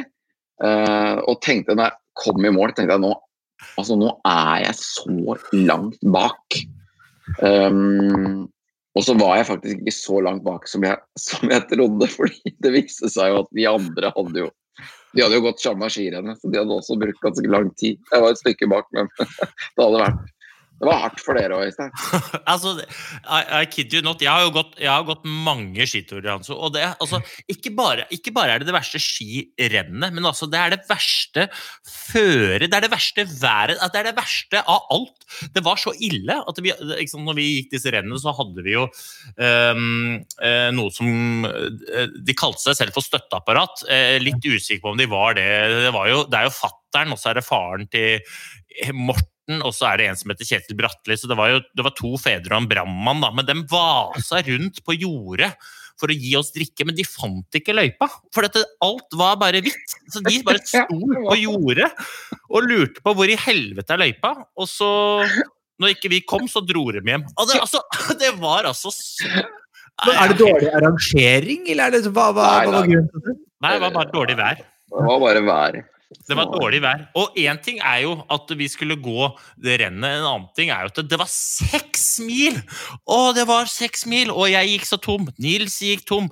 Smør, eller Støtteapparatet sto på et jorde med all drikka og lurte på hvor i helvete vi var. Og så kommer du i mål og bare tenker sånn Fy faen, dette er ikke noe gøy, men nå må jeg ha meg noe sukker. Så står det sånne energidrikker der, og jeg husker jeg bare Altså, når jeg er um, tørst, så da drikker jeg med begge hendene, for å si det sånn. Jeg, jeg bare drakk nedpå energidrikk, få innpå litt sukker. Og så etter å drikke liksom åtte liter med noe et eller annet slags sånn kirsebær eh, energy drink, så ser jeg at det er jo sånn low carb energy drink. Altså, alt var ræva! Og Nilsi trodde da at dette er det jeg har ofra alt annet for. Det er dette jeg Dette nå skal drive med. jeg ehm, Dette trodde jeg var Det var det. Det er dette det er. Ja. Fikk en liten betennelse i, i, i den ene armen, fordi stavene hang jo igjen så mye når man staka. ikke sant? Du måtte dra de opp. Nei, men, eh, men det ble bedre, eller? Ja, det gikk ehm, Det har gått jevnt oppover siden, vil jeg si. Eh, Så tre, treningsøyeblikka, hva er, liksom, eh, hva er det beste og det verste treningsøyeblikket? Nei, altså De beste treningsøyeblikkene er jo det man trener for. Det er, det er jo disse, når, når, når kroppen liksom er, spiller på lag. Altså det, er, det er helt fantastisk. Jeg mener jo alle kan få den følelsen uansett nivå. Eh, bare det å legge ned masse trening og så kjenne at du presterer, liksom, det er helt fantastisk. Altså, det, ja, det, det elsker jeg, både hardøkter og, og langturer. Jeg hadde et par langturer i sommer hvor Eh, dette er det, kan hende du må være uh, brukbart trent for å oppnå dette, men når det går veldig langt, så, uh, så hender det at den tipper over. Det blir en slags, sånn slags sånn runners high-opplevelse. eh, hvor du føler at nå, nå kan jeg bare gå. Nå, nå er det bare å gå. Eh, og det er helt nydelig. Altså. Så har man eh, mange andre dager hvor, de er, eh, hvor det er dritt. Det, det hender. Det hender seg. Uh, man, um, det, det, det, jeg, jeg tror de kjipeste økta jeg gjør, er kalde økter på rulleski. Uh, det syns jeg er skikkelig døvt. Det er alltid litt bedre å løpe. Uh, og vinter er annet Hvis det er kaldt på vinteren, så er det på en måte vinter. Men hvis det er kaldt på rulleski, det er noe sånn surt og stusslig med det. Uh, som, så jeg bare syns det er døvt. Du hadde vel et par økter eh, eh, på Lillehammer med lange turer og sånn noe drag på slutten. eh, med Østensen i, i storform, ikke sant? Oktober. Det var, det var litt seigt på et par liksom, da, da går det oppover en bratt eh, bakke. Da, så, så når du kommer liksom på toppen der, så får du servert litt sånn rolig, våt grus bort, bort, bort til rullesløypa. Og når da liksom Østensen er Han er ikke, han er ikke den rauseste typen når, når folk er gjennomsiktig av at du er sliten. Um, det har et par videoer av Nils hvor han um, Ja, det spiller ikke på alle strengene. Det har jeg ikke. Men jeg har jo òg en veldig fin video. Har du den, Nilsi, hvor du går i mål i Årefjellsloppet? Ja, den bruker jeg, den bruker jeg i foredraget mitt til stor applaus fra veldig mange. Ja, den, Den jo- den Hanso. Derfor det er det han prater Ja, den, nei, den skal vi legge ut på Den legger vi ut på, på Instagrammen. Nilsi sender den til oss på etterpå. Den skal vi legge ut, faktisk. For den Ja, er den er veldig fin, fin. For der, Ja. snakker, der får du det som han snakker om, med liksom det også følelsen av å prestere. Og, Mm. da, og det, det mener jeg helt alvorlig. At det, på en måte, følelsen av at ting går bra, det er uavhengig av nivå. Det er bare det er, ditt, det er din følelse av at nå er ting bra, og den er fantastisk. Ja, Ja, jeg har jo det den selv. Selv om jeg på et helt annet nivå enn dere, da, så er det sånn noen ganger man bare føler at nå, nå glir det. Nå kan jeg bare Mm. holde på. Eller, eller man er jo trener styrke, og så er det som i dag kan jeg løfte alt. Bare prøv dere. Bare legg dere på fanget. Jeg skal fader meg Mm. løfte alt her. Eh, og det er ofte verre. Da får man det ofte i fleisen, selvfølgelig, hvis man begynner å tenke det. Men, men eh, man løper, så, så kjenner jeg jo igjen det. Ja, man, det er deilig, og det er det man jakter i renn nå. Få den følelsen i renn er jo helt fantastisk. Men kan jeg stille et spørsmål, Nilsen? Nå som eh, Vi, vi snakka litt om det i stad, rundt eh, dette med motivasjon. Da. Nå er det jo ikke noe renn. eh, Og du, du, du har jo som mål å gå Ski Classics-renn, men eh, både du og jeg leser jo nyhetene, og det er jo ikke, det er ikke sikkert det blir så mange renn. Hvordan er det du liksom motiverer deg nå? Hva er det som gjør at du stikker ut og trener fem ganger fem på, på mølla i Andebu treningssenter? Nei, det er jo Jeg må jo innrømme at den motivasjonen har eh, gått litt opp og ned. Så har den stort sett i år vært veldig bra. eh, fordi jeg jo i perioder har hatt veldig trua på at det kommer til å bli en del renn. Og så jeg kanskje fått litt sånn knekt på i det siste. Um, men jeg prøver jo da bare liksom å jeg, er ganske sikker på at Vasan og Birken finner en eller annen variant å arrangere på. Det har vi vel på en måte fått i hvert fall gode signaler på. Um, og så er det jo helt umulig å vite. Det er jo ingen som Det er veldig mange som har prøvd å spå hvor dette viruset går. Uh, men det er ingen som helt klarer det på I hvert fall ikke på lang sikt. Så man må jo bare se. Men eh, eh, jeg prøver bare å liksom motivere meg med å ja, kanskje gjøre litt nye ting. Kjørte hardbolk forrige uke, som jeg ikke har gjort før, som Kaffebryggeri-gutta gjør litt. Kjører fire hardøkter på tre dager. Um, det er en sånn ny greie som har gjort. Uh, og uh, og prøve å få gode treningsopplevelser. Uh, at snøen kommer og sånn. Men det, det, det, er en, det er en vanskelig Jeg har ikke vært på mitt aller mest motiverte nå i det siste, jeg må innrømme det. Når det liksom ja, er seige rulleskiforhold, ikke skiforhold. Treningssenteret er stengt. Ja, da er det jo Da begynner å Og det Crown har kommet en ny sesong på Netflix òg. Hva er dette for noe?! Skal jeg bare se på The Crown, eller skal jeg Nei, men eh, jeg skjønner jo Men da er det jo én ting da, som, som jeg føler at jeg kanskje har blitt uh, Som jeg føler i hvert fall at jeg blir, har blitt litt bedre på, men der jeg fortsatt har litt å gå på. Men som uh, jeg tenker at mosjonister bør være bra på, og det er jo Hvis man har gjort en god jobb, da, prøve å stole på at man har godt gjort en god jobb. da. Og ikke begynne å stresse i den overgangsperioden her og bli helt sånn stressa på at nå får jeg ikke gått rulleski, jeg får ikke gått ski, og nå rakner det, liksom. Det gjør jo ikke det. Eh, fordi når man får begynt å gå på ski igjen, så får man det. Og så, så, eh, så går det bra, liksom.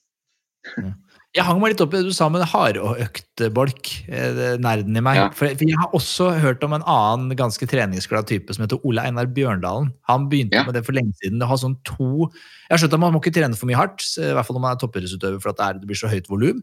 eh, Og da må man være litt forsiktig med det. Men han kjørte jo to hardøkter på samme dag. Altså både på Mm. morgenen og ettermiddagen. Hva er Mm. liksom eh, vitenskapen bak det?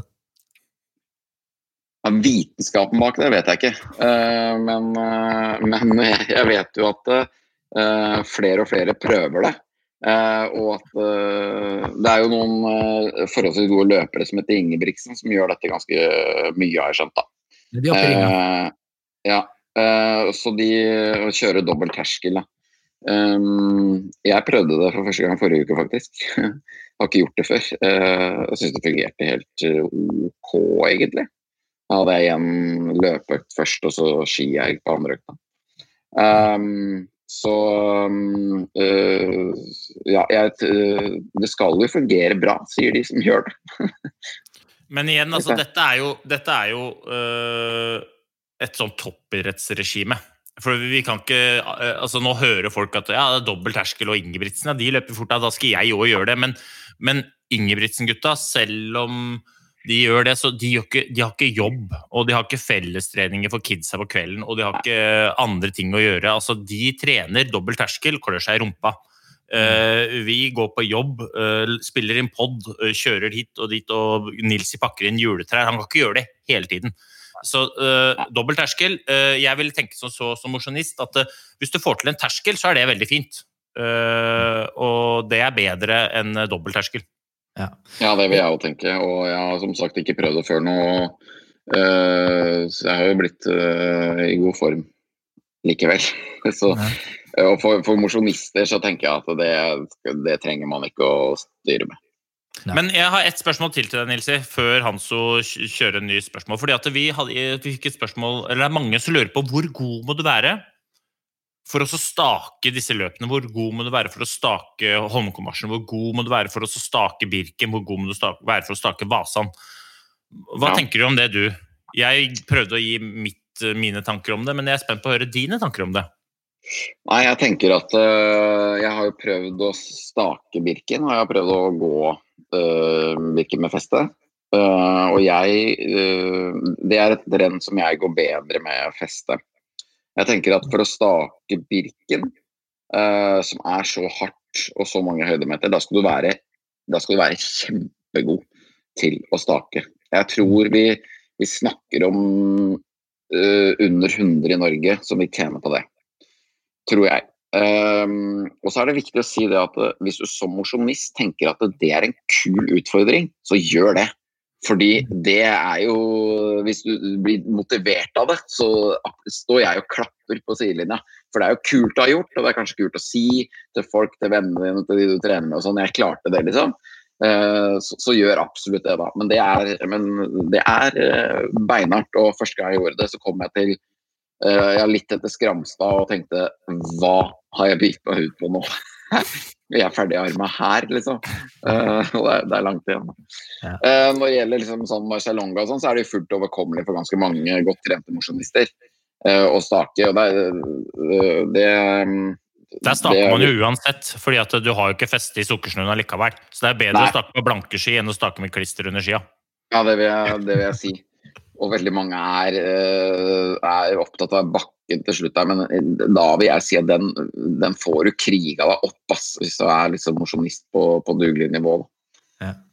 Uh, så, og, og Vasaloppet uh, er fullt mulig å, å stake, men da er det viktig å ha noen lange turer med staking. Mm, mm.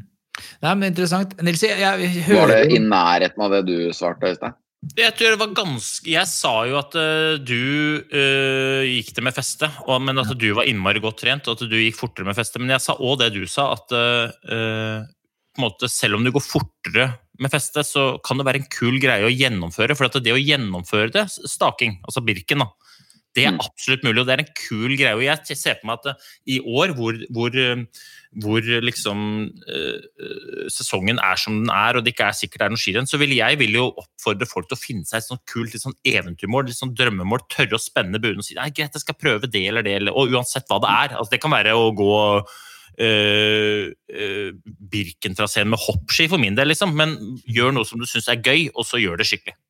Nei, jeg, si, jeg, hører, jeg hører den juletrepakkemaskina stå fire ganger, ja, men du må bare si fra når du Vi vil gjerne ha deg med lenger, Nilsi, men hvis du må løpe, så Nei, du, det, går, det går helt fint. Jeg tror det vil ligge godt an med årets juletrepakke. Ja, Bra, bra, gøy. fordi vi, vi har, Det vi er i gang med her i dag, er jo en slags sånn trenings-Q&A eh, hvor det er masse Ja. spørsmål som folk eh, lurer på. Eh, Raskt spørsmål til dere begge, egentlig. Hva, hvilke økter er favorittøkten deres?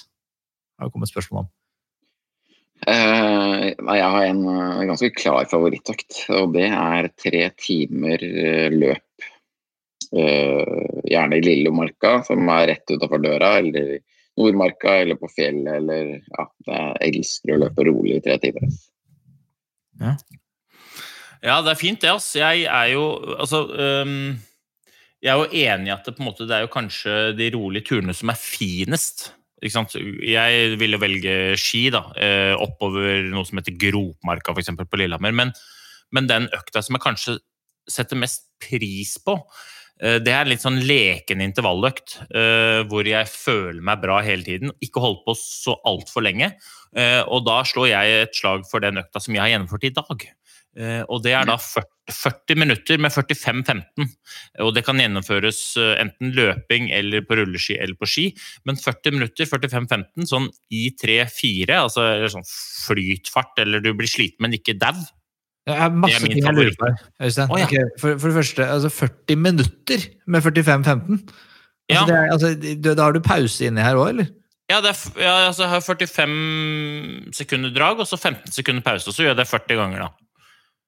På rad. Men, men, men, men, men igjen, da. ikke sant? eh, Jeg har jo trent opptil flere ganger i måneden i noen år på rad. Så eh, man, kan, man trenger ikke å begynne der. Man kan begynne på 20 minutter eller 15 minutter. Men eh, jeg liker jo den der eh, av og på-treninga. For at da to minutters pause inni der. Fordi jeg, du ba meg gjøre den fire ganger fem minutter med det her, så hadde jeg to Ja. minutter pause mellom. Og den Ja. trengte jeg. Ja, og det skyldes nok sikkert at eh, jeg har trent flere ganger eh, enn deg de siste ti årene. Så jeg tenkte det er hyggeligere for deg å komme ut av økta og føle deg bra, enn at jeg sier kjør 40 minutter, du, og så bare peis på. For at da hadde du tenkt etter 18 at eh, dette er jo altfor lenge og altfor mye, og det er ikke noe gøy, og jeg kommer bare til å føle meg som en uh, dårlig fjott med skjegg som skal hjem og spise mørk, bitter sjokolade. Så, så, så, så det er greia. Ja. Enkelt og greit. Så var det noe annet du nevnte her som jeg også er, jeg er veldig nysgjerrig på. Det har kommet noen spørsmål om, og dette er I2, I3, I4. Det virker som veldig sånne kjente begreper. Folk i miljøet, de, En gang er man på ball, vet hva man snakker om. Jeg har ingen anelse. Mm. Er, det- er det puls? Hva refererer man til? Det er jo intensitet. på et Ja, det er, ja, det er puls. Det er puls. det, det refereres til puls, og så har det, det er Olympiatoppen som har laget disse intensitetssonene for da Norge, da. Eh, Og det er, det er faktisk Jeg tror faktisk det er bare i Norge, for i Sverige så er det A1, A2, A3. Men um, uh, hvis, Veldig enkelt forklart, så I1 er rolig. Eh, ofte referert som snakketempo. Altså du jogger, og så snakker du. I 5 da har du ikke lyst til å snakke og orker ikke å løpe så lenge. Og så er da de imellom, de da, det blir jo gradvis hardere jo høyere tall det er. Så i 3, i 4, det er sånn, det er intervallfart. Eh, hvor du eh, kjenner at du jobber ordentlig, men du blir ikke skikkelig stiv. Det er sånn, du kan holde på, og hvis du er godt trent, så kan du holde på i tre-fire en time, time halvannen eh, med intervallene dine. Mens på I5 så er du ferdig i løpet av tre-fire minutter. Jeg tror jeg kommer for raskt opp i I5. Det er, Ja, det er, jo, det er jo et øh, Det kan fort være et problem hvis man øh, trener litt uh, sjelden og litt lite. Og så er det jo ofte problemet at mosjonister trykker til mer enn uh, mer enn toppidrettsutøvere, da. Eh, så det øh, Ja. Han, for, for Nilsi sa jo at han starta Du spurte hvorfor starter du progressivt. Og det er jo grunnen. Fordi at han vil jo ikke opp i I5 med en gang. For det første så klarer han ikke å komme opp i I5 med en gang. Og det andre, hvis du ligger i I5 på starten, så vil du bli så sliten at du må senke intensiteten. Altså løpe saktere. Mens det er mye hyggeligere å løpe fortere og fortere og fortere. Bli mer og mer og mer sliten. Men Dette, dette er kjempeinteressant, dette med eh, og det, Jeg har jo vokst opp med en far som liksom Hvis ikke du har blodsmak i kjeften når du kommer hjem fra tur, da har du ikke trent. Og så har jeg skjønt at det kan være at pappa vet mye, men ikke alt. Eh, og det kan være at treningslære ikke Det burde man fått fra andre enn en, en enkel kar fra Skedsmokorset. Eh, og er, er det sånn at ja, Mitt inntrykk er at dere trener veldig lite til blodsmak i munnen. At det er kun forbeholdt renn. Stemmer det? Ja, det, det, det, det stemmer nok litt, det. Og så har man noen økter hvor man drar til litt mer um, uh, Ja, man har noen økter òg som er harde, og jeg, jeg skal jo si det at jeg liker jo det litt, da, innimellom. Å dra til litt, så, så man gjør det litt. Men man gjør det jo veldig lite uh, juni, juli, august. Uh, så lite som mulig da. Uh, og så litt mer og mer uh, utover høsten og inn i sesong. Da. At man da klemmer til litt mer. Da. Jeg, tror, jeg tror heller ikke at det er noe lurt å trene for, eller trene bare gittere, for da tror jeg du blir veldig god på det. Og gå, gå kontrollert. Og det er ingen skirenn som du konkurrerer i å gå mest mulig kontrollert. Uh, så du må, du må klemme til innimellom for å trene kroppen på det. da. Og nå skal jeg komme med et, et velmenende råd til alle mosjonister der ute. For det her mener jeg at folk gjør feil. I hvert fall litt på trening, men i hvert fall i konkurranser. For i fellesstart Birken for eksempel, så starter man jo likt med de aller beste. Vaseloppet. 16 000 starter.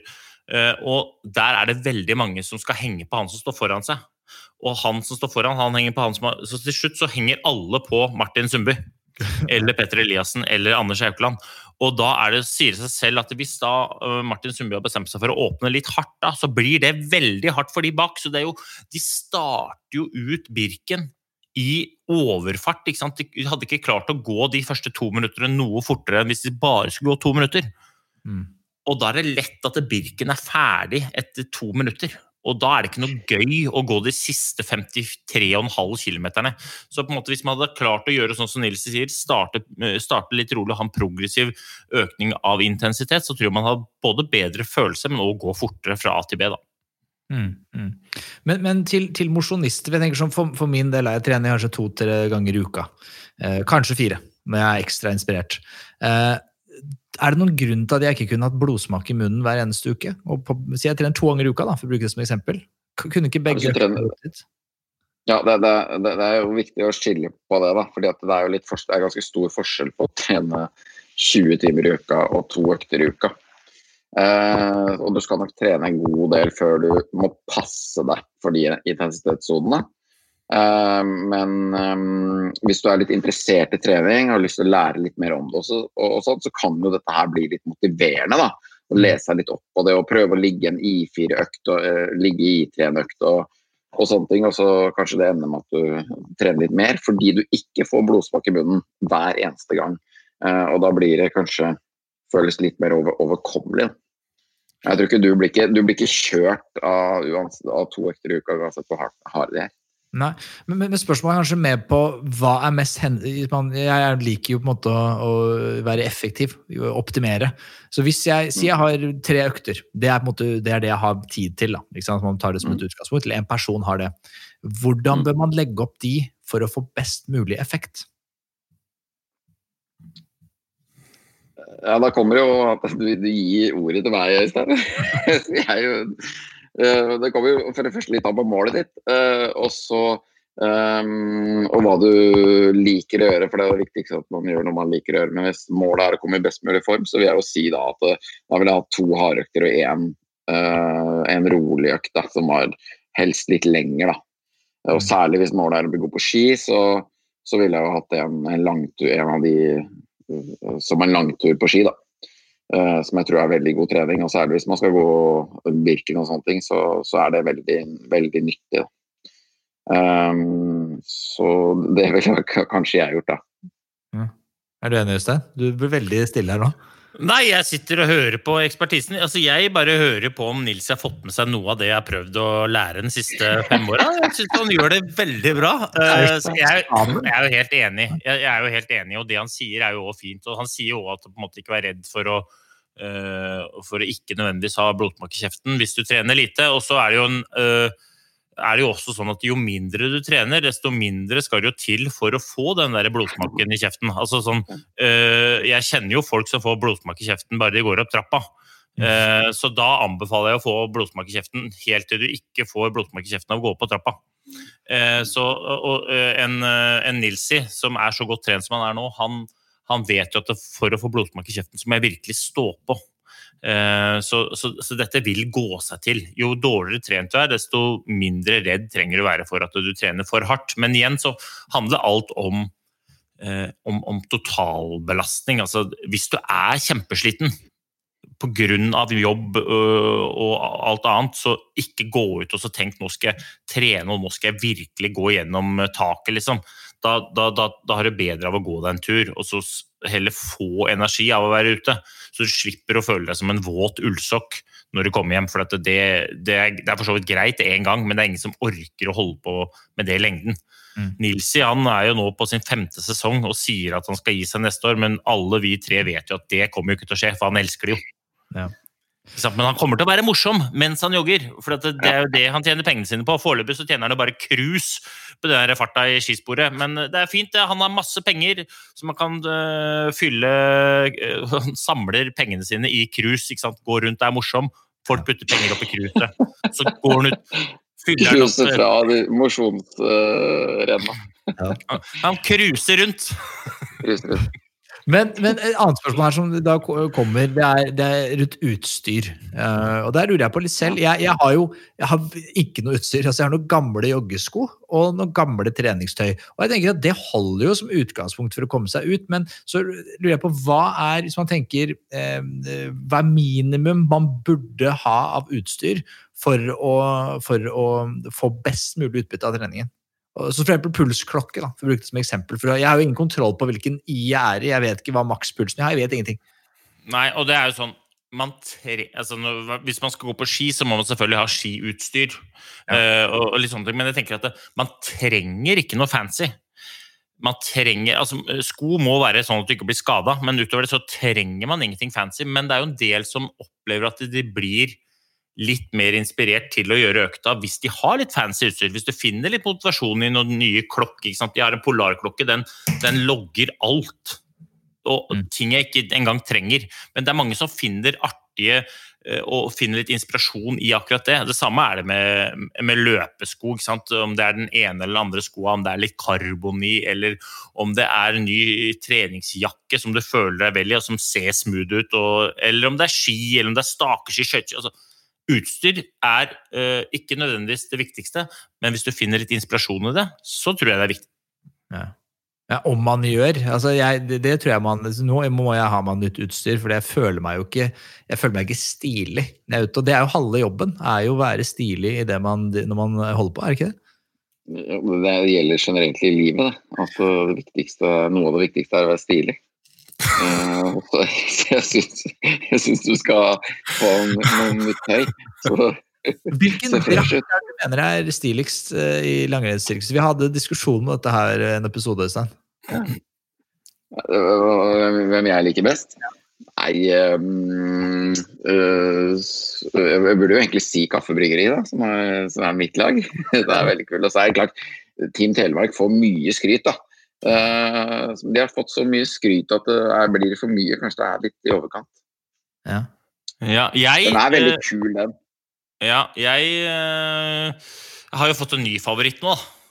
Okay. Ok? Eh, og det er jo eh, Jeg har fått en sånn nikkers eh, drakt av Bjørn Dæhlie.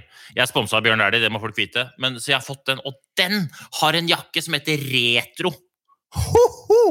Altså, jeg ser ut som Bill Cock. Ikke sant? Jeg kjøpte sånne Referanse, ikke briller. Nei, eh, nei, men det er jo eh, Joachim Behle, da. Det, det er, nå er du på Joachim Behle, han som juksa seg til den seieren. Jeg ser ut som han. Jeg har de bygge, store brillene, går rundt, hører på Sony sånn eh, Walkman, gul, som du stikker inn i øra. Hører på deg selv, skipodden.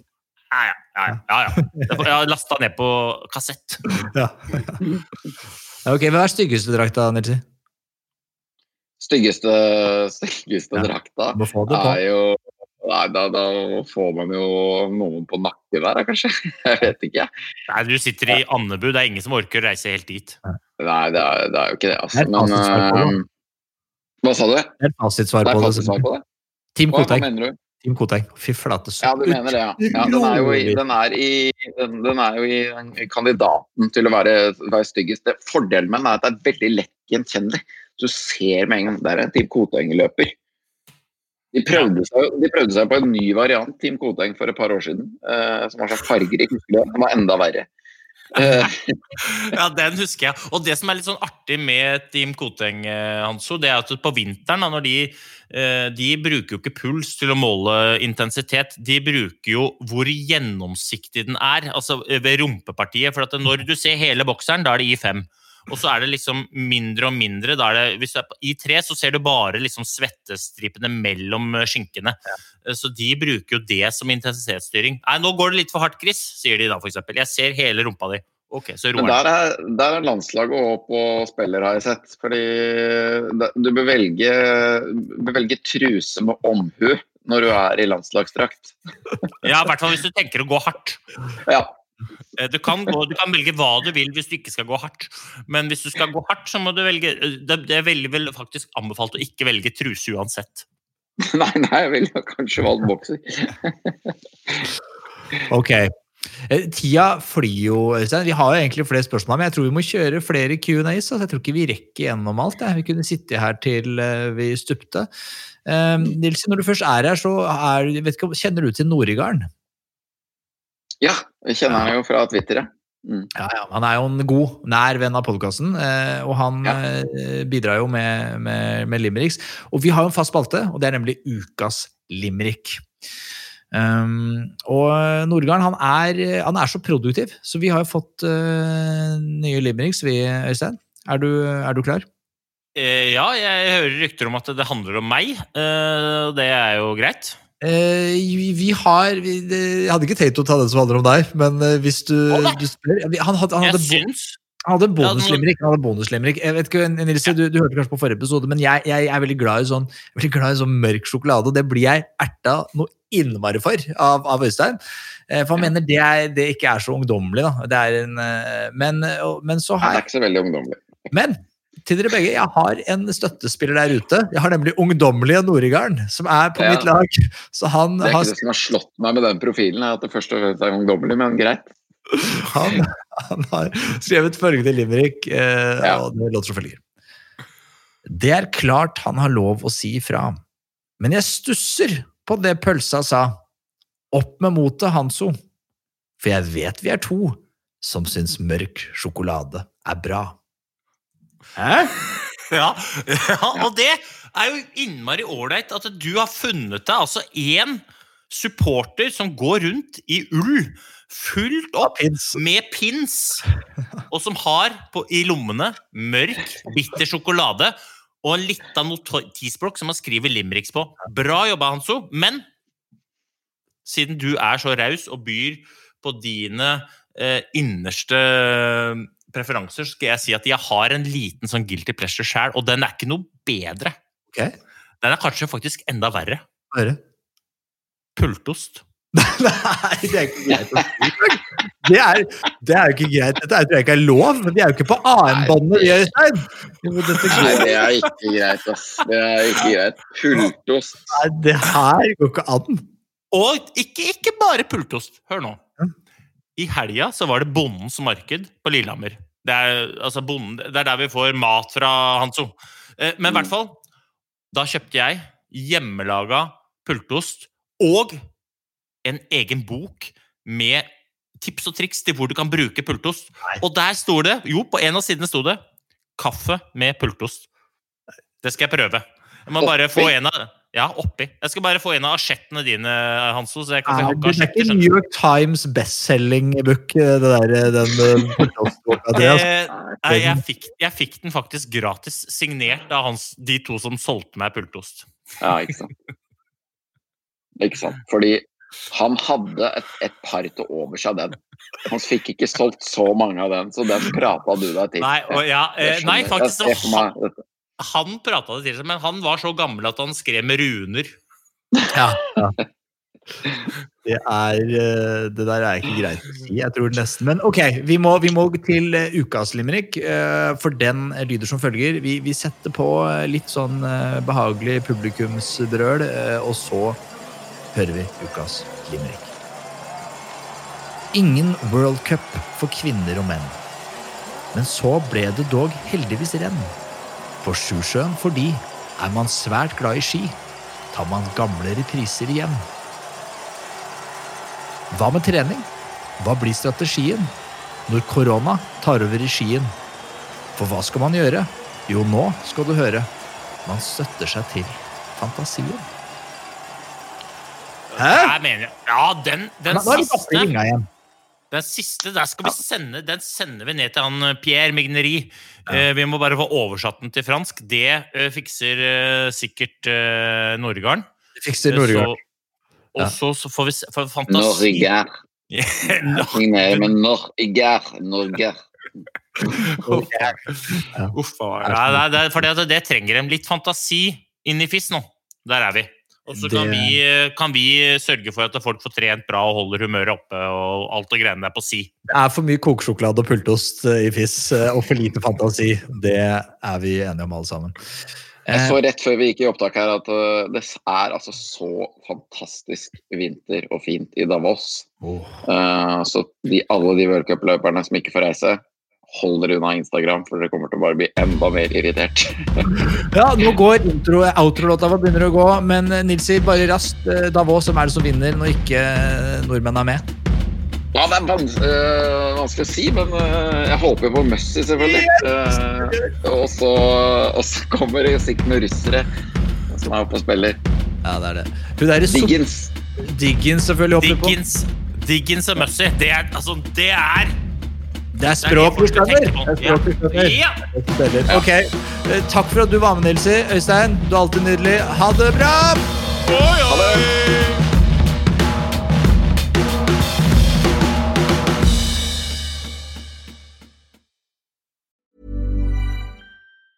Planning for your next trip? Elevate your travel style with Quince. Quince has all the jet setting essentials you'll want for your next getaway, like European linen, premium luggage options, buttery soft Italian leather bags, and so much more. And it's all priced at 50 to 80% less than similar brands. Plus, Quince only works with factories that use safe and ethical manufacturing practices. Pack your bags with high-quality essentials you'll be wearing for vacations to come with Quince. Go to quince.com slash trip for free shipping and 365-day returns. Imagine the softest sheets you've ever felt. Now imagine them getting even softer over time. That's what you'll feel with Bowl and Branch's organic cotton sheets. In a recent customer survey, 96% replied that Bowl and Branch sheets get softer with every wash. Start getting your best night's sleep in these sheets that get softer and softer for years to come. Try their sheets with a 30-night guarantee. Plus, get 15% off your first order at bowlandbranch.com. Code BUTTERY. Exclusions apply. See site for details.